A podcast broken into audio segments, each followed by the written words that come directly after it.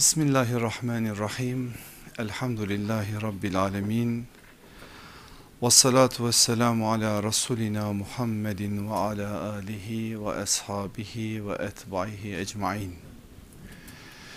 Kıymetli kardeşlerim, sahabe nesli dediğimiz o peygamber mektebinin güzide talebeleri birkaç farklı açıdan ele alınıp değer ve kıymet olarak vasıfları ortaya konabilir. Ben bugünkü derste içimden gelen bir şey şu şekliyle bir başlangıç yaparak başlamak istiyorum. Onlar hayatları boyunca güzel bir hayatın peşinde değil, güzel bir ölümün peşinde koştular. Sahabe dediğiniz zaman karşısına bunu yazarsanız isabet kaydedersiniz. Çünkü onları az bir şey tanıdığınız zaman bu sözlerin ne demek olduğunu daha iyi anlıyorsunuz. Rahatlarından, imkanlarından, ellerindeki birçok nimetten, hele hele Medine'de yaşamanın o güzel mutluluğundan bu şekliyle vazgeçtiler. Kolay mı Allah aşkına bizim yaşımız biraz kemale erince köyde ölmeyin, ölmenin hesabını yapıyoruz. Biraz yaşımız ilerleyince yorulduk artık. Gidelim Medine'ye hiç değilse ömrümüzün sonunu peygamber şehrinde geçirelim diye bir ızdırabın altında iniyoruz.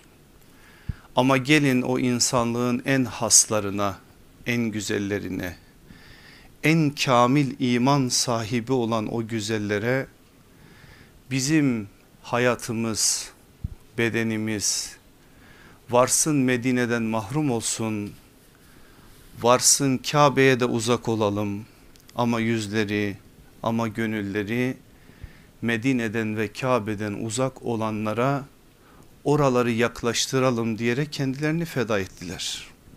Mesele budur. Keşke bir anlayabilsek rahattan vazgeçmeyene kadar da Risalet davasının ve peygamber mektebinin talebesi olmayacağımızı bir anlasak bazı şeyler bizim dünyamızda da çok farklı bir biçimde oturacak. Allah bunu bize lütfetsin. Küçüklüğümüze rağmen bize bunu inşallah versin de bu manada bizim de kulluk adına ortaya koyduğumuz amellerimizde bir kalite olsun. Kalite olmasının en güzel yollarından birisi de nedir biliyor musunuz aziz kardeşlerim?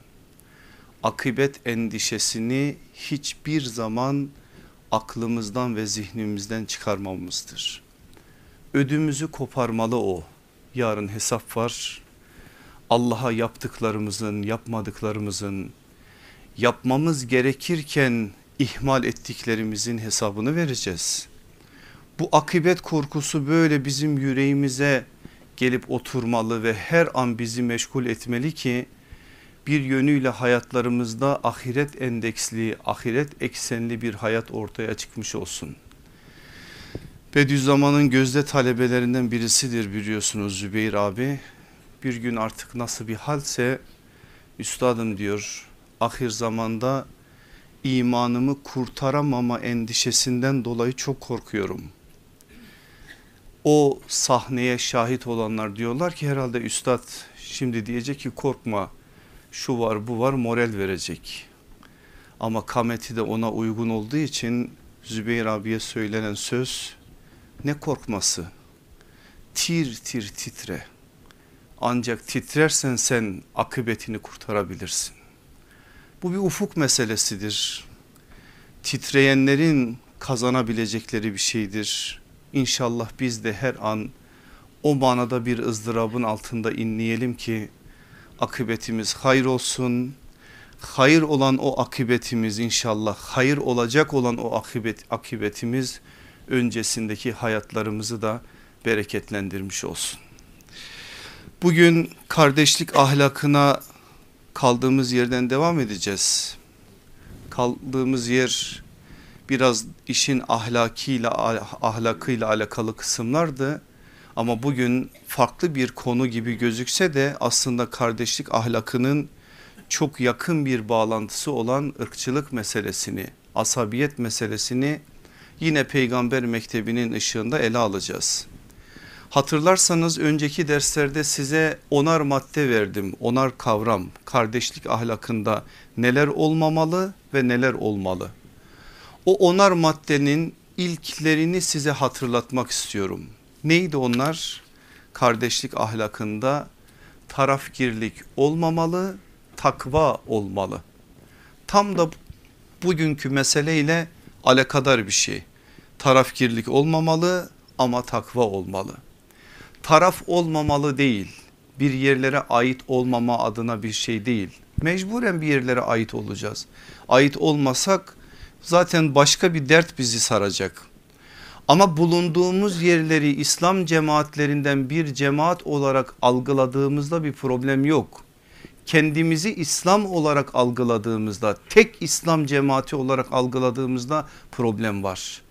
Onun için ne olursa olsun bu ister bir cemaat, vakıf, şeyh, hoca, mektep, mezhep neyse bunlardan biri olsun.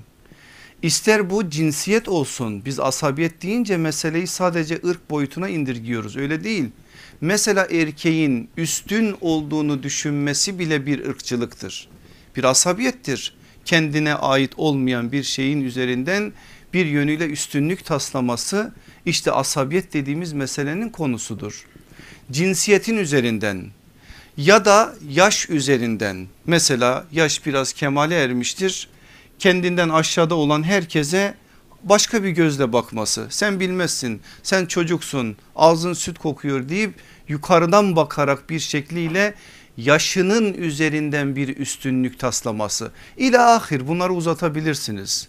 Neyse bunlar tarafgirlik adına bir şeye eğer bürünmüşse oradan biz asabiyetten bahsederiz. Ve bugün biz böyle bir adımın ya da böyle bir hastalığın şeytani bir hastalık olduğunu öğreneceğiz. Bundan korunma yollarını, tedbirlerini inşallah peygamber mektebinden dilimizin döndüğünce anlamaya çalışacağız. Size iki tane hutbeden iki pasaj aktarmak istiyorum. Aleyhissalatü vesselam Efendimizin biliyorsunuz son veda haccındaki veda hutbesi ya da hutbeleri demek daha doğrudur. O birkaç hutbedir de biz onu birleştirdiğimiz için tek hutbe gibi okuruz. Veda hutbelerinden bir de biraz daha öncesinden bir örnek vermek istiyorum. Tam da bugün anlamaya çalışacağımız bu meselelerle alakadar bir konu. Biliyorsunuz aleyhissalatü vesselam Efendimiz veda haccı sırasında Mina'da, Müzdelife'de, Arafat'ta karşısında duran yüz binleri aşkın insanlara bazen ashabi, ashabım diyerek bazen ya eyyühennas ey insanlar diyerek bazı mesajlar verdi. Emin olun veda hutbeleri dediğimiz o peygamberin son dönemine ait olan o miras o nebevi tereke şu anda hak edildiği şekliyle Müslümanlar tarafından anlaşıldığı kanaatinde değilim. Kelime kelime cümle cümle ele alınmalı ve bir yönüyle nübüvvet yürüyüşünün hulasası olan artık o güzel mektebin o güzel yürüyüşün son faslı olan 23 yıllık sürecin de en önemli meselelerin nazara verildiği bir nebevi hitabe olarak karşımızda duruyor o miras. Bir de şöyle anlayın meseleyi aleyhissalatü vesselam Efendimiz birçok şey söylemiş söylemiş söylemiş vefatına 80 küsür gün var. O günlere ait de bir hitabede bulunacak en önemli ve sonraki süreçlerde de yani istikbalde de önemini yitirmeyecek çok mühim meselelere dikkat çekerek bir yönüyle o hutbesini emanet edecek ümmetine ve insanlığa. Biz o meseleye şöyle bir baktığımız zaman 10 tane temel mesele temel mesaj görürüz veda hutbesinde. Başka da vardır ama özellikle biz biraz daha meseleyi kendi bugün işleyeceğimiz konuyla sınırlı tuttuğumuz zaman insan onuruyla mesela sınırlı tuttuğumuz zaman bu tespiti yapabiliriz. Nedir bu 10 tane mesele? Birincisi insana onur kazandıran en önemli şeyin kulluk olduğu gerçeği. Veda hutbesi bize bu mesajı verir. İkincisi insan onurunu zedeleyen asabiyetin yerilmesi ki konumuz o zaten. Üçüncüsü canın, malın, namusun mukaddesliği. Bunun da aslında ırkçılıkla ve asabiyetle de alakası var ama doğrudan ikinci madde olduğu için buna değinmeyeceğiz. Dördüncüsü kadınların haklarının gözetilmesi. 14 asır önce söylenen bir hutbe ve bugünün meselelerine nasıl ışık tuttuğuna dair sizler zihinlerinize bunları çağrıştırın.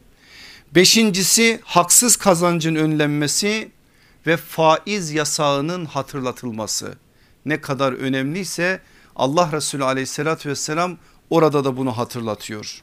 Altıncısı kan davalarının sonlandırılması. Yedincisi suçun şahsiliği. Sekizincisi tüm haklara riayet edilmesi. Dokuzuncusu insanın kendi nefsine hürmet etmesi. Onuncusu hakikatin ve iyiliğin temsil ve tebliğ edilmesi. Söylüyor sallallahu aleyhi ve sellem Efendimiz bunları. Sonra diyor ki ey insanlar yarın beni sen sizden soracaklar. Yani görevimi yaptım mı? Size gerçekten tebliğ ettim mi? Bunun için Allah da bana soracak. En başta ne dedim? Akıbet endişesi. Var mıymış Resulullah sallallahu aleyhi ve sellem'de hem de nasıl? Yarın beni sizden soracaklar. Ne diyeceksiniz ben size sorulduğum zaman? Ashab-ı kiram efendilerimiz hep bir ağızdan şehadet ederiz ki Allah'ın dinini tebliğ ettin, görevini hakkıyla yaptın, bize nasihat ve vasiyette bulundun dediler. Şöyle bir kaldırdı sağ elini sallallahu aleyhi ve sellem havaya. Sonra şöyle ashabını işaret ederek onların üzerine doğru indirdi ve üç kez şahit ol ya Rab, şahit ol ya Rab, şahit ol ya Rab dedi. Eğer varsa bizim şehadetimizin Allah katında bir makbuliyeti biz de 14 asır sonra şahidiz değil mi? Bize de tebliğ etti, bize de nasihatta bulundu, bize de iki cihanın saadetini elde edebileceğimiz yolları gösterdi. Biz ona şahidiz de inşallah o bize şahit olur. Onun şahit vasfı var ve inşallah o hesap defterleri açıldığı zaman eğer o şahit vasfıyla bizi karşılayacaksa bizim için düğün bayramdır ki bütün temennimiz de onu elde etmektir. Allah ondan bir an olsun bizi geri koymasın. O on maddenin ikincisi insan onurunu zedeleyen asabiyetin yerilmesi. Ne diyor sallallahu aleyhi ve sellem veda hutbesinde binlerce sahabisine hitaben hepiniz Adem'in çocuklarısınız Adem de topraktan yaratılmıştır. Arap'ın Arap olmayana, Arap olmayanın araba, beyazın siyaha, siyahın beyaza hiçbir üstünlüğü yoktur. Üstünlük sadece takvadadır. Aleyhissalatü vesselam Efendimiz böyle beyan ediyor. Neymiş üstünlük neredeymiş? Sadece takvadaymış. Şimdi bu veda haccı sırasında söylenen bu sözler zihninizin bir köşesinde dursun. Oradan ben sizi 5 ya da 6 yıl öncesine getireyim. 5 ya da 6 yıl öncesi diyoruz. Dolayısıyla hicretin ya 5. ya 6. yılı.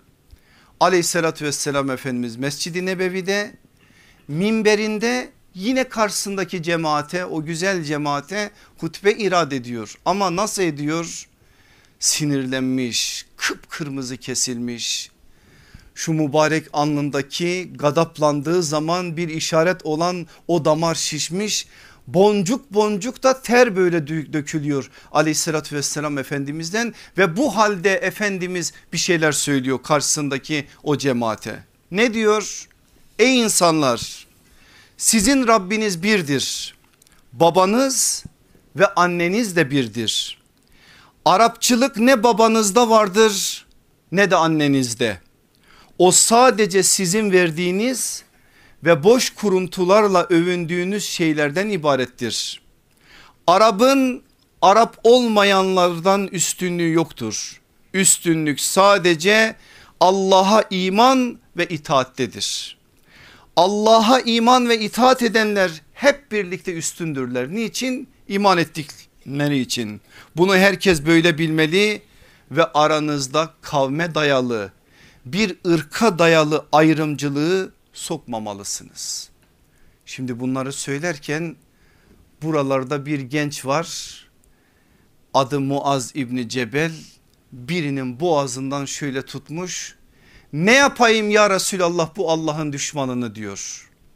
Allah Resulü aleyhissalatü vesselam da diyor ki bırak onu cehenneme kadar yolu var. Demek ki bir şey var ortada ki Efendimiz hem kızmış hem hutbe irad etmek zorunda kalmış hem bu sözleri söylemiş hem de arkasından bırak onu cehenneme kadar yolu var diyerek birinin cehennemlik olduğunu nübüvvet kurumunun ona verdiği bir yetkiyle Allah'ın ona verdiği o bilgiyle bunu dile getirmiş. Nedir mesele? Mesele şu Medine'nin tescilli münafıklarından birisi var. Kays İbni Mutata. Bu adam fitne merkezi gibi çalışıyor. Ne yaparım da Müslümanları birbirine düşürürüm. Ensar muhacir arasına fitne sokmaya çalışıyor pek muvaffak olamıyor. Bir müddet sonra Ensar'ın içerisinde Evs ve Hazreç arasına fitne sokmaya çalışıyor. Bakıyor o da olmuyor fitne ararken münafığın işi budur zaten münafık işi gücü fitne arar ama bir zemin bulur ve orada bir boşluk yakalamaya çalışır. Bir boşluk yakaladığı zaman kafasındaki senaryoyu koyar ortaya. Bugün de öyle o gün de öyleydi. Arıyor cemaate ne yapsam da birbirlerini ölümüne seven ve kenetlenen bu cemaati birbirine düşürsem. Muhacir ensar olmadı. Evs Hazreç'te olmadı bir fırsat yakalıyor. Bir de bakıyor ki Medineli gençler hepsi Arap oturmuşlar etraflarını sarmışlar Selma'nın İranlı Farslı Habeşli Bilal'in bir de Süheyb-i Rumi'nin Rum diyarından gelen Süheyb'in üçü de Arap değil.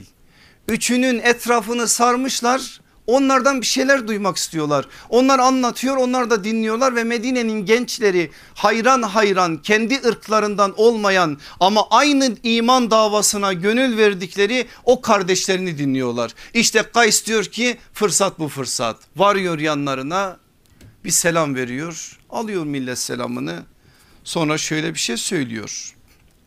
Evs ve Hazreç peygambere hizmet eden Araplardandır ama şu Habeşli Bilal, şu Rum memleketinden gelme Süheyb, şu Farslı olan Selman bunlar Arap değiller ki.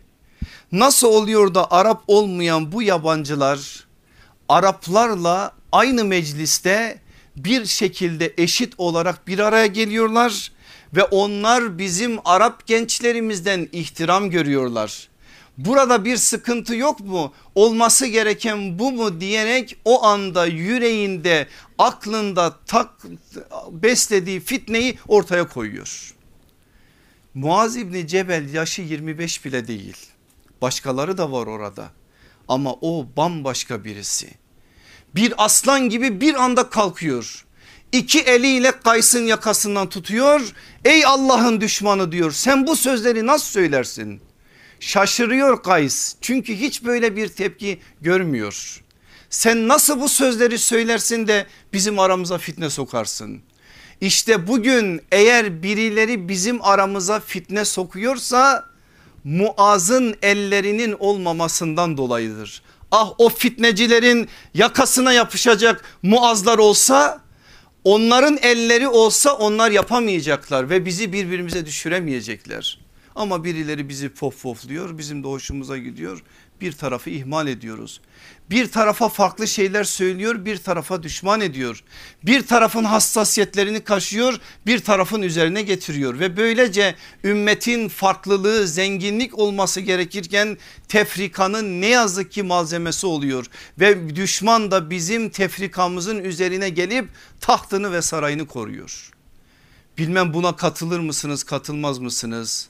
Ama inanın ki öyle benim aziz kardeşlerim. Bugün düşmanın gücü bizatihi onun gücünden kaynaklanmıyor. Biz dostların zafiyetinden kaynaklanıyor. Biz birbirimize düştüğümüz için böyle. Onlar uzaktan bizi bu manada kumanda ediyorlar. İstedikleri yönlere sevk ediyorlar. Ve artık bizim karşımıza da çıkamayacaklar. Niye o riski alsınlar ki? Niye Hans gelsin? Niye Albert gelsin? Aklını peynir ekmekle mi yesin, yemiş? Adı benim adımla aynı olan, adı senin adınla aynı olan, sakalı olan, namaza gelen, cemaate gelen, konuştuğu zaman mangalda kül bırakmayan, en büyük mücahitliği taslayan ama içten içe İslam'ı ve ümmeti birbirine düşürmeye çalışan adamların eliyle yapacak bunları. 30 senedir böyleydi bundan sonra da böyle gidecek. Artık düşman kendi kimliğiyle bizim karşımıza çıkmayacak. İşte onların yakasına yapışacak iki çift el lazım. Muaz İbni Cebel gibi yiğit olan ve gerçekten de yapışıp o münafığın yakasına hesap sorabilecek yiğitler lazım ki onların sesi kesilmiş olsun. Ama burada bir şey daha söyleyeyim. O Muaz'ın elleri var ya o münafığın yakasına yapışan eller.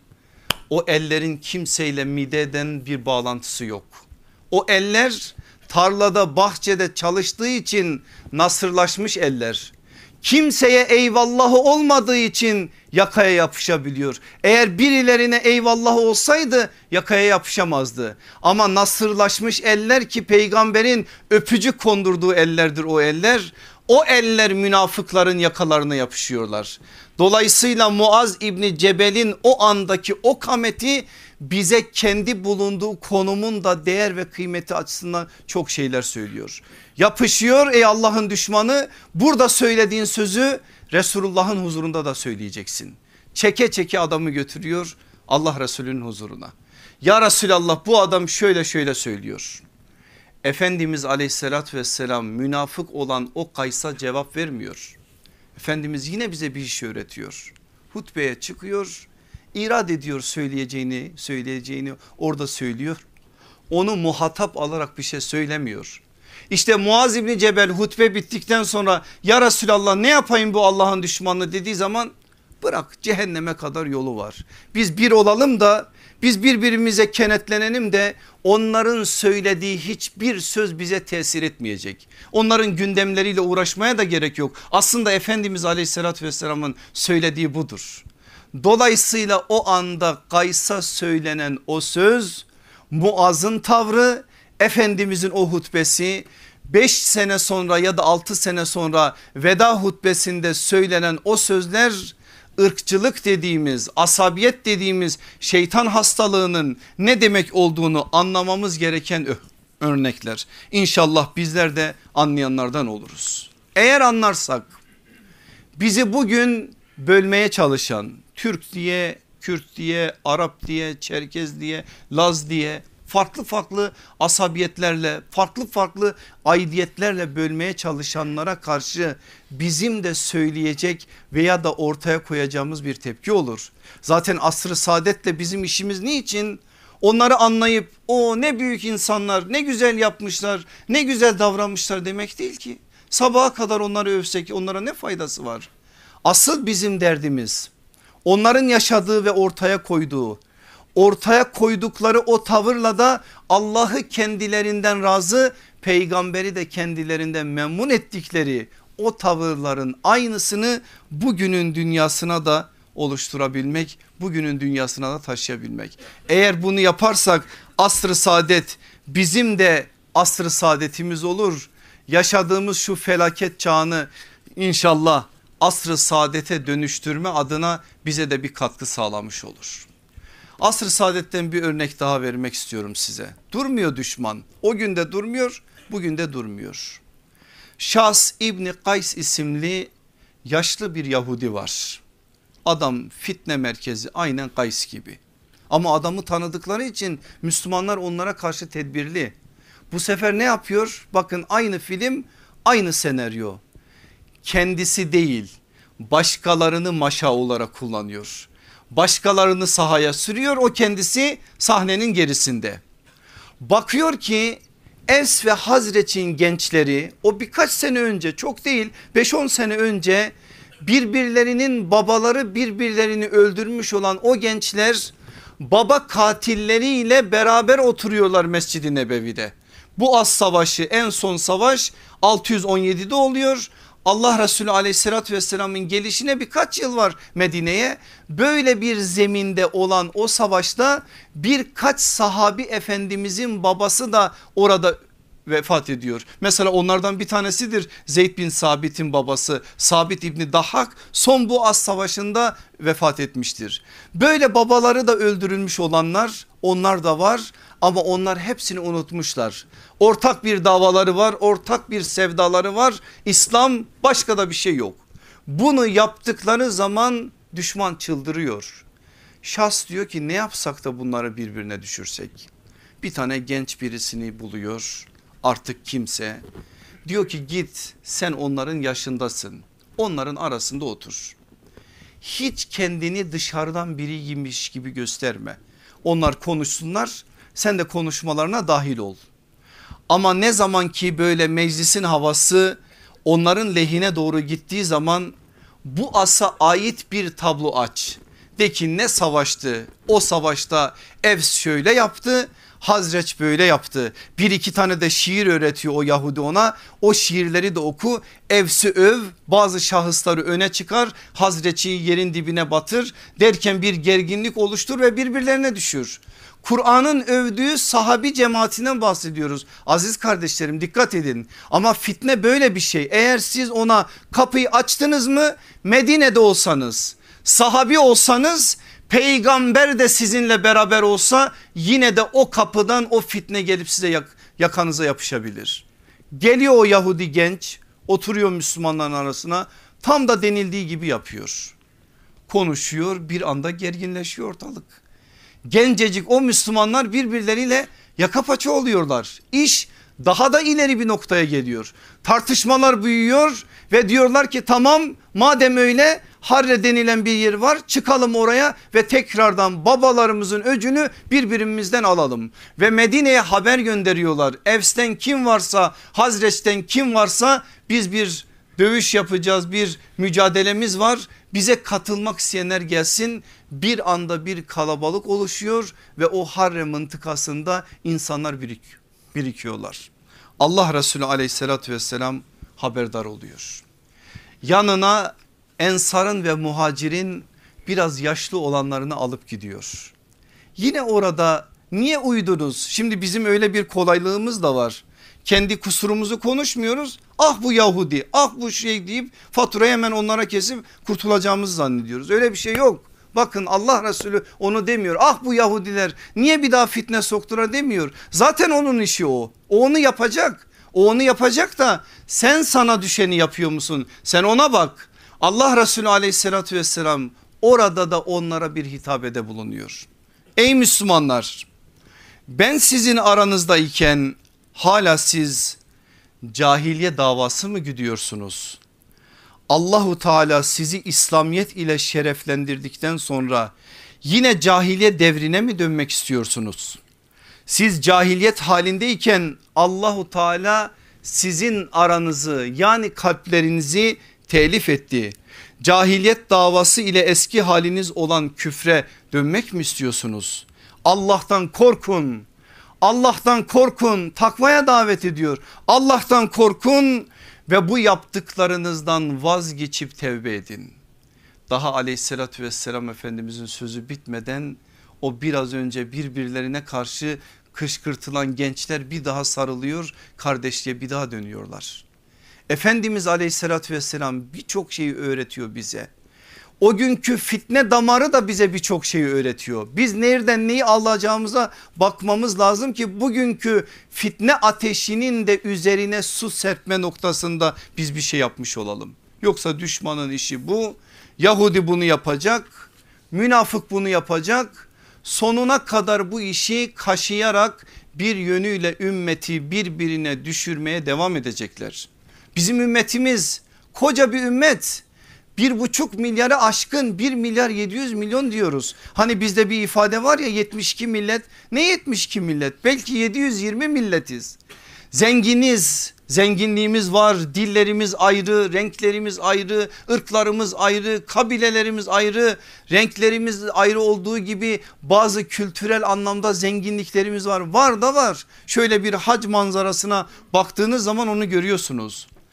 Eğer biz bu zenginliklerimizi gerçekten Allah'ın birer ikramı olarak anlamayıp da birbirimize üstünlük aracı olarak kullanmaya başlarsak işte münafığın Yahudinin beklediği o tuzağa düşmüş oluruz. Biz birbirimizi böyle sevmek zorundayız. Birbirimizi böyle kabul etmek zorundayız. Birbirimizin ayrılıklarını taarruf için, tanışmak için bir ikramı ilahi olarak görmek zorundayız. Böyle görmeyip de kendimize düşmanlık malzemesi olarak anlarsak zaten düşman bunun için ellerini sıvıştırıyor. Buna bekliyor. Bunu bekliyor. Ne dedik bugünkü dersimizin başlığına? Şeytani bir hastalık, ırkçılık. Şeytanın da ayağını kaydıran bu değil miydi Allah aşkına? Ne dedi Hazreti Adem'in yaratılış meselesinden sonra? Ben ona secde etmem. O ben de, benden alçak ben ondan üstünüm. Sen onu topraktan yarattın Cenab-ı Hakk'a söylüyor. Beni ise ateşten yarattın. Ben ondan üstünüm. Üstün olduğum şekliyle niye ona secde edecekmişim diyor. Neymiş aslında ırkçılık bilmiyorum anlayabiliyor muyuz? Kazancımız ya da seçimimiz olmayan şeylerden dolayı övünmek. İşte Allah'ı gadaplandıran da bu. Allah bize sormadı ki bizi yaratırken hangi milletten olmak istersin hangi kabileden hangi kavimden olmak istersin dilin ne olsun ana babamızı seçmedik hiçbirini biz seçmedik. Peki seçmediğimiz ve kendi kazancımızla da elde etmediğimiz bir şeyden dolayı övünme hakkını nereden alıyoruz? Övünme hakkını gördüğümüz an şeytanın düştüğü o tuzağa düşmüş oluyoruz Allah korusun. Allah bize verdi bu ikramı ilahiyi biz bir nimet olarak görüp o nimetin şükrünü eda etmenin yollarını aramalıyız. Eğer övünme adına diyelim ki Arabı Türkiye, Türk'ü Kürde, Laz'ı Çerkeze neyse artık farklı bir biçimde takdim etmeye, farklı bir biçimde üstünlük adına bir şeyler konuşmaya başladığın an işte orada şeytanın düştüğü o yanlışa düştüğün noktasında her zaman için hatırında canlı bir şey kalmalı. Bakın Medine ikliminden yine nasıl bir şey okuyoruz. Sad bin Ebi Vakkas aşere-i mübeşşereden başımızın tacı. Selman-ı Farisi Fars İranlı Ehli Beyt'ten Selman minna Ehli Beyt demiş sallallahu aleyhi ve sellem Efendimiz. Aralarında bir tartışma oluyor Sad bin Ebi Vakkas'la Selman-ı Farisi'nin. Tartışma biraz ilerleyince tahkir etme amaçlı Sad bin Ebi Vakkas söyle bakayım nesebini diyor. Nesebin ne ki sen bu sözleri bana karşı konuşuyorsun o anlamda. Selman-ı Farisi biraz mahzun nesebim yok benim nesebim İslam. Ben Selman İbni İslam'ım. Selman İslam'ın oğludur. İslam'ın oğlu Selman olarak senin karşındayım diyor. O, o meclisi terk ediyor. Tabi o konuşulanlar Hazreti Ömer'in kulağına gidiyor. Hazreti Ömer topluyor cemaati ve şöyle bir hutbe irade ediyor. Aynen peygamber sünneti. Bütün Kureyşliler bilir ki babam Hattab cahiliye döneminde onların en şereflileriydi. Durum böyleyken ben yine de İslam oğlu Selman'ın kardeşi İslam oğlu Ömer'im. Ben Ömer İbni Hattab değilim. İslam oğlu Selman'ın kardeşi İslam oğlu Ömer'im. Kendini cahiliye dönemindeki dokuz atasına nispet eden kişinin yani onlarla övünen birinin onların önün onuncusu olarak cehennemlik olabileceğini unutmayın. Peygamber mektebinden konuşuyor. Sad bin Ebi Vakkas yaptığı yanlışı anlamıştır. Tir tir titreyecektir o da. Anında o anda Selman'ın gönlünü alacak ve bir daha da böyle bir yanlışa kapı açmayacaktır. Bu manada üstünlüğün olmayacağını hiçbir şekliyle hiçbir şeye ne aidiyete ne ırka ne cinsiyete ne yaşa hiçbirine karşı bir üstünlük olmayacağını aslında Hazreti Ömer peygamber mektebinden öğrendiği şekliyle onlara yansıtıyor. Onlar da gereğini yerine getirerek bu manada bir şeyler söylüyor. Niçin? Çünkü Ömer'i yetiştiren o Medine iklimi bunun için o kadar çok şey söylemiş ki onlardan bir tanesini daha paylaşmak istiyorum size. İranlı olan sahabe efendilerimiz epey vardır. Biz sadece Selman-ı Farisi'yi biliyoruz. Ben o konuda bir araştırma yapmıştım ama nihayete ermediği için şimdi söylemeyeyim size ama 15'e yakın Fars olan sahabe efendimiz var. Onlardan bir tanesi Ebu Ukbe el Farisi. Bunun asıl ismi bu sahabe efendimizin Ruşeyt. Biz Ebu Ukbe künyesiyle biliyoruz onu. Ensardan Cebir İbni Atik'in kölesiyken İslam'la şerefleniyor, iman ediyor. Selman-ı Farisi gibi Fars kökenli olmasına rağmen peygamber mektebinin gözde talebelerinden biri oluyor. Hicretin 3. yılı Uhud o da Uhud'a katılanlardan Uhud'un ashabından birisi. Elinde kılıç Allah Resulü aleyhissalatü vesselamın yanı başında karşısında duran Mekke müşriklerine karşı mücadele veriyor. Bir tane müşrik çıkıyor karşısına onunla savaşırken bir darbe indiriyor indirirken de al diyor bu sana Farisi delikanlıdan hediyedir. Bir tane daha indiriyor al diyor bu sana Farisi delikanlıdan bir hediyedir. Allah Resulü aleyhissalatü vesselam böyle bir ortamda müdahale ediyor o söze. Dikkat buyurun aziz kardeşlerim savaş yer Uhud karşıda Mekke müşrikleri var. Dur ya Resulallah dur döndükten sonra çekersin bir kenara orada söylersin. Yok mesele çok mühim bir mesele. Oradan söylenecek ki 14 asır sonra ta bizim dünyamıza kadar gelsin o söz. Ey Ebu Ukbe diyor Farisi gençten hediye diyeceğine vururken al bu sana ensardan bir hediye olsun desen daha iyi olmaz mı? Hemen anlıyor hatasını ve ondan sonra dilinde hep odur. Al bu sana ensardan bir gençten deyip mücadelesini devam ettiriyor. Ne söyledi sallallahu aleyhi ve sellem Efendimiz? Övünmek yok asla. Biz ki Osmanlı'nın torunlarıyız. E ne oldu? Sen sonrasına bak. Sen Osmanlı'nın torunu olarak hilafete ihanet ettin. Hilafeti sen düşürdün elden ve Osmanlı'nın torunu olarak yaptıkların ortada. Şimdi atalarla övünmenin bana bir faydası yok. Sen bugünü söyle. Biz ki şöyle bir Necip milletiz. Ondan sonra bir sürü söz bir sürü söz ama işin bir tarafında bir yerleri tahrik eden bir yerlere zarar veren ümmetin bir olmasına da engel olabilecek sözler. İşte sallallahu aleyhi ve sellem aslında Ebu Ukbe el Farisi'nin nazarında Uhud'un o meydanında söylediği orayla değil ensar olmanla övün derken de bunu söylüyor. Dolayısıyla şeytani bir hastalık olan ırkçılık övünme yok. Peki gelelim bu tarafa yerinme var mı? Yerinme de yok. Biz yerinirsek de sünnete ve bulunduğumuz konuma aykırı davranmış oluruz. Şimdi toplumsal baskıdan mıdır? Bazı şeylerin tam olarak oluşmamasından mıdır nedir? Bakıyorsunuz bir kardeşimiz Kürt yıllarca söylemiyor Kürt olduğunu. Korkuyor. Söylersem başıma bir iş mi gelir? Mardinlidir, Siirtlidir, şuralıdır, buralıdır hemen tanışırken Kürt olmadığını beyan ediyor. Diyor ki ben Arap'ım çünkü nazara onu vermek istiyor. Bunu hep söyleyende suç olarak aramayın. Demek ki etrafta böyle bir problem var. Bir insanın kimliğini ortaya koymasından biz rahatsız oluyoruz ki birileri bunu gizliyor. Bingöllüdür, Elazığlıdır. Zaza'nın kim olduğunu bilmez kimse. Kürt olmadığını, Kürtler kık ya Kürt olmadığını söylememek için ben Zazayım diyor. Aslında belki de Kürttür aslı. Niye biz bu noktaya geliyoruz? Yerinme noktasında da problem var. Yerinmek de yok. Allah bizi böyle yarattı. Kimimizin anası bizi büyütürken nenni nenni dedi büyüttü. Kimimizin anası bizi büyütürken lori lori dedi büyüttü. Analarımızı biz seçmedik ki dillerimizle biz seçelim. Bizim elimizde olan bir şey değil ki bundan övünelim ya da yerinelim böyle bir şeyi birbirimize karşı üstünlük aracı olarak kullanalım ya da yerinme aracı olarak kullanalım. Buna hiçbir şekliyle hakkımız yok.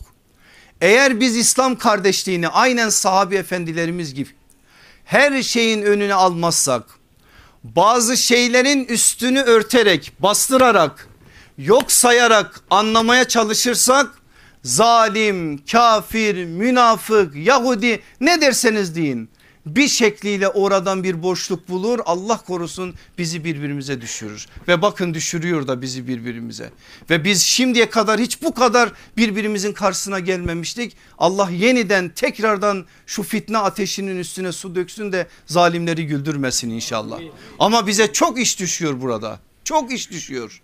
Bu manada biz bize düşeni yapmalıyız ki Cenab-ı Hakk'ı bu manada memnun edelim onun razı ve memnun olacağı şeyleri yerine getirmiş olalım. Şimdi size işin dengesini de gösterme açısından yine peygamber mektebinden bir söz aktaracağım. Vasile İbni Eska bu aktaracağım sözün bize aktarılmasını sağlayan sahabi efendimiz. O da büyük sahabi efendilerimizden biridir pek tanımayız onu ama dedesine nispetle anılır. Asıl babasının ismi Abdullah. Tebuk günlerinde iman ediyor. O günlerde geliyor bir sabah namazı vakti sahabenin edebini öğrendik geçen derslerde yabancı biri gelince her biri onunla ilgilenir onu evine götürmeye çalışır. O anda da sallallahu aleyhi ve sellem etrafı sarılmış olarak vasileyi görünce gider onun yanına tanışır onunla. Efendimiz'e iman edeceğini söyler. İman ettikten sonra da biat eder. Biat ederken de şöyle bir cümle kullanır. Ya Resulallah zoruma gitse bile gücüm yettiğince sana itaat edeceğim. Allah Resulü aleyhissalatü vesselam da onun o cümlesinden çok hoşnut olur. Zoruma gitse bile zorumuza gider her şey bizim zorumuza gitmeyecek diye bir şey yok. Ne dedi sallallahu aleyhi ve sellem benim getirdiklerime hevalarını ikna ettirmeyen yani teslim kılmayan kamil manada iman etmiş olamaz. Dolayısıyla bu manada iç dünyamıza ait de bir şeyleri söylüyor ki Vasile İbni Eska Müslüman olduğu o ilk günlerde bunu söylüyor. Müslüman olduğunun hemen birkaç gün arkasından Tebuk'a çıkıyor ordu. O da çıkmak istiyor ama bir şey yok. Ensardan birisi var Kab bin Ucre onunla şöyle bir anlaşma yapıyor. Bana bir binek sağla bir de savaşa katılmak için ne lazımsa onları ver ganimet olarak ne elde edersem yarı yarıya bölüşelim. Kap kabul eder böylece katılır Tebuk ashabından olur. Ganimet de elde eder döndükten sonra kardeşinin payını vermek için huzuruna gelir ama kap kabul etmez. Hayırdır. Ben o gün sana bir şey söylemedim ama ben senin sevabının ortağı olmak isterim der. O ganimetten almak istemez. Böyle birisi.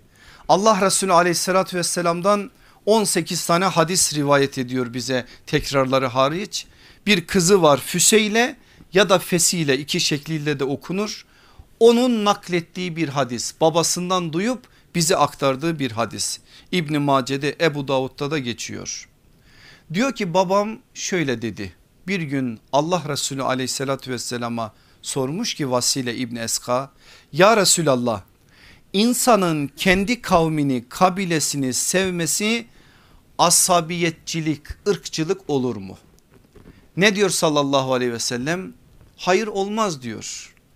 Soru şu arkasından Allah ondan ebeden razı olsun bak ne güzel sordu da biz öğreniyoruz. Peki ya Resulallah asabiyet nedir? Irkçılık nedir? Bakın Efendimiz ne kadar kısa net ve gerçekten de hiçbir şekliyle başka bir izaha muhtaç olmayan bir beyanda bulunuyor zalim de olsa kendi kavmine arka çıkmandır. Neymiş ırkçılık? Zalim olduğu zaman kendi kavmine arka çıkmandır. Bu bizden bizim adamımız bizim kabilemiz bizim cemaatimiz bizim partimiz bizim hizbimiz o zaman hiçbir şey görmeyelim ört üstünü. O halde karşı tarafın hukuku ne olacak? E ne olacak canım yapmamız gereken bu. Böyle dediğin zaman işte senin ortaya attığın adım ırkçılık oluyor. Yoksa kendi kabileni sevebildiğin kadar sev. Bundan doğal ne var? Allah Resulü aleyhissalatü vesselam şehirlerin bana en sevgilisi Mekke demedi mi? Sen de sev Konya'yı. sev Erzurum'u, sev Hakkari'yi hiçbir beis yok bunda. Ama sen bunu yaparken aynen peygamber terbiyesiyle yap. Şehirlerin en güzelini sev. Allah Resulü de sevdi. Allah Resulü aleyhissalatü vesselam insanlık içerisinde Kureyş'i çok sevdi. Kureyş'in içerisinden Haşim oğullarını çok sevdi. Haşim oğullarının içerisinden Abdülmuttalip oğullarını çok sevdi. Abdülmuttalip oğullarının içerisinden Ehli Beyti çok ama çok sevdi. Ama şu sözü de söyledi. Vallahi kır, hırsızlık yapan kızım Fatma dahi olsa onun elini keserim. İşte bu sallallahu aleyhi ve sellem efendimizin söylediği bu. Sevebildiğin kadar sev ama mesele hak hukuk meselesi ise bu manada hiçbir şey sen göz ardı edemezsin. Burada iki tane dengeyi hiçbir zaman unutmamak lazım. Muhabbet ve adalet dengesi, muhabbet ve ehliyet dengesi. Muhabbet olacak bunda hiçbir sınır yok ama adalet mümkün mertebe gözetilecek karşı taraftan bizden olmayan bizim ırkımızdan olmayan bizim işte aidiyetlerimizden olmayan bir insanın ortaya koyduğu bir şey varsa orada farklı bir hassasiyet olacak. Burada da muhabbet olacak ama ehliyet olacak. Hatırlayacaksın sallallahu aleyhi ve sellemi Ali dururken Attab İbni Esid gibi Beni Ümeyye'den olan 18 yaşında olan bir delikanlıya Mekke'nin valisi olarak atandığını da unutmayacaksın. Beni Haşim'in bütün adamları sıraya girmişken sallallahu aleyhi ve sellem Efendimiz onların hiçbir tanesine devlete ait görevleri vermeyerek benim adamlarım benim ailem demeden yani ehliyeti gözeterek kaldı ki ehliyete baksanız sadece aslında beni Haşim içerisinde de ehliyetli olmayan yok ama Efendimiz yine ümmete bazı şeyler öğretme açısından bunu yapacak. İşte benim aziz kardeşlerim bu şeytani hastalığa düşmemek için muhabbet ve adalet muhabbet ehliyet dengesini hiçbir zaman unutmamamız lazım. Bakın o dengeyi sarsanlar nasıl gülünç bir duruma düşüyorlar. Müseylemetül Kezzab'ı biliyorsunuz değil mi? Peygamberlik iddiasında bulunan yalancı. Öyle dememiz daha doğru. Talha en Nemiri isimli birisi var onunla aynı kabileden. Müseylime peygamberliğini ilan ettiği zaman Talha onun karşısında. Şimdi bir konuşmasını Taberi'nin tarihinden okuyoruz. Sen Müseyleme misin diyor Talha. Müseylime evet ben Müseylimeyim diyor. Sana ne geliyor? Bana Muhammed'e ne geliyorsa o geliyor diyor. Bana vahiy geliyor. Peki sana vahiy kim getiriyor? Yemame'nin Rahman'ı getiriyor diyor. Talha diyor ki peki sana vahiy gece mi geliyor gündüz mü geliyor? Bana sadece gece geliyor diyor. Çünkü gündüz gelmez. Gündüz milletin içinde gece kimse yok. Sabah kalkar der ki bana vahiy geldi. Kim ona hesap sorabilir? Ne diyor Talha Ennemiri biliyor musunuz? Vallahi sen yalancının tekisin. Ama bana daha sevimli gelen de sensin. Rebia onların kabilesi. Vallahi bana Rebia kabilesinin yalancısı peygamberimizin kabilesinin adı Mudar. Mudar'ın doğruluğu, doğrusundan daha evladır. İşte budur ırkçılık. Budur bile bile hakikatin üstünü örtmek. Budur sırf kendi ailesinin şerefini düşünerek doğruluğa, hakikate tamamen karşı çıkıp böyle bir gülünç duruma düşmek. Allah kimseyi böyle bir duruma düşürmesin. Peki benim aziz kardeşlerim zaman yine koşuyor dakikalar ben nasıl yetişeceğim onu da bilmiyorum ama bitireceğiz bugün de bu konuyu. Böyle bir hastalığa düşer olsa bir insan iyileşme yolunu söyleyeceğim birazdan. İyileşmese ne olur? Çok felaket olur. İki şey olur ki peygamber sallallahu aleyhi ve sellem söylüyor bize. Cahiliye ölümü üzere ölür ümmeti Muhammed'den olma ayrıcalığını kaçırır. Bu peygamberimizin sözü bizim değil. Cahiliye ölümü üzere ölür ümmeti Muhammed'den olma ayrıcalığını kaçırır. Ümmeti Muhammed'den olma bir ayrıcalıktır. O büyük bir şereftir. O o şereften mahrum olur. Ne diyor sallallahu aleyhi ve sellem Cündüb İbni Abdullah el Beceli'nin naklettiği o hadiste? Kim asabiyetin savunuculuğunu yaparak veya asabiyete yani ırkçılığa destek vererek yoldan çıkmış bir topluluğun bayrağı altında ölürse onun ölümü cahiliye ehlinin ölümü gibidir. Daha ne desin sallallahu aleyhi ve sellem bu Müslim hadisidir. Kim asabiyetin savunuculuğunu yaparak Türkse Türk, Kürtse Kürt, Arapsa Arap fark etmez. Hangi milletten olursa olsun böyle bir ırkın savunuculuğunu yaparak ırkçılığa destek vererek yoldan çıkmış bir topluluğun bayrağı altında öldürülürse onun ölümü cahiliye ehlinin ölümü gibidir. Allah kimseyi bu duruma düşürmesin. Ya ümmeti Muhammed'den olma ayrıcalığını kaçırmak nasıl? Onu da Cübeyr İbni Mutim bize naklediyor. Allah Resulü aleyhissalatü vesselam üç kere leyse minna diyor. Irkçılığa çağıran bizden değildir. Irkçılık davası uğruna savaşan bizden değildir. Irkçılık davası uğruna ölen bizden değildir. Bizden değildir de neredendir? Ümmeti Muhammed'den değildir. Neredense oradandır artık. O ümmeti Muhammed'den olma ayrıcalığını kaçırmıştır. Dolayısıyla bu şeytan hastalığı bu bulaştı mı insana vardırdığı nokta burasıdır. Sadece dünyevi anlamda ümmetin birliğine vahdetine engel olan şeyler değil insanın akıbetiyle de alakadar bir şeydir. Dolayısıyla biz bunu düşündüğümüz zaman bizim bundan da ödümüz korkmalı. Kullandığımız kelimelere dikkat etmeliyiz. 40 düğümü çözüp öyle konuşmalıyız. Bazı şeyleri iyice aklımızda ileri geri getirip ondan sonra söylemeliyiz. Her sözün bir hesabı olduğunu bilmeliyiz. Eğer bizim sözlerimiz bir yönde ümmetin tefrikaya düşmesine sebep olacaksa onun faturasının çok ağır olduğunu da hiçbir zaman unutmamalıyız. Peki bu hastalıktan nasıl kurtuluruz? O kadar kolay ki Vallahi o kadar kolay ki sallallahu aleyhi ve sellem söylüyor ve tek bir şeyle bize söylüyor. Başka reçeteleri de var Efendimizin ama bu reçetesi hepsine yetecek kadar. Ne diyor biliyor musunuz? Enes bin Malik'in nakli. Canım kudret elinde olan Allah'a yemin ederim ki sizden biri kendisi için sevip istediğini din kardeşi için de sevip istemedikçe tam iman etmiş kamil manada iman etmiş olamaz. Ne dedi sallallahu aleyhi ve sellem gayet açık ne istiyorsun kendine Türk olarak iste Kürde aynısını ne istiyorsun Kürt olarak kendine? İste Araba aynısını. Ne istiyorsun Çerkez olarak kendine? İste Romene aynısını. Ne istiyorsun Laz olarak kendine? İste Gürcü aynısını. İlacı bu. Bu kadar basit sallallahu aleyhi ve sellem diyor ki karşındaki mümini kendinden ayırma. Kendin için istediğini ona da iste sen bu hastalıktan kurtulmuş olursun. Allah o hastalıktan bizleri kurtarsın inşallah. Şöyle bir duam etmek geliyor içimden.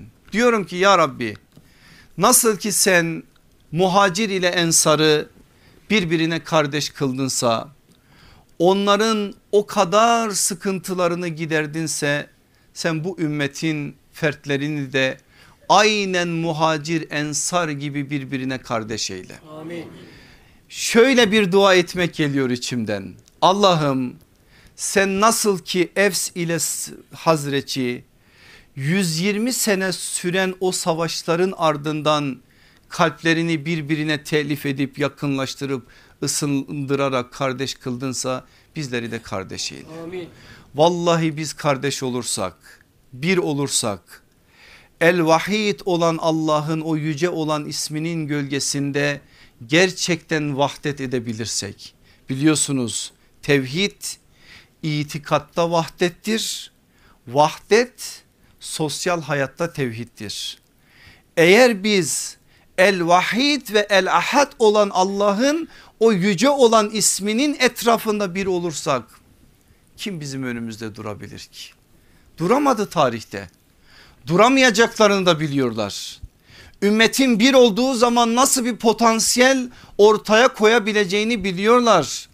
Bugün İslam'ın dostlarının farkına varmadığı ama İslam'ın düşmanlarının ödünü koparan da bu.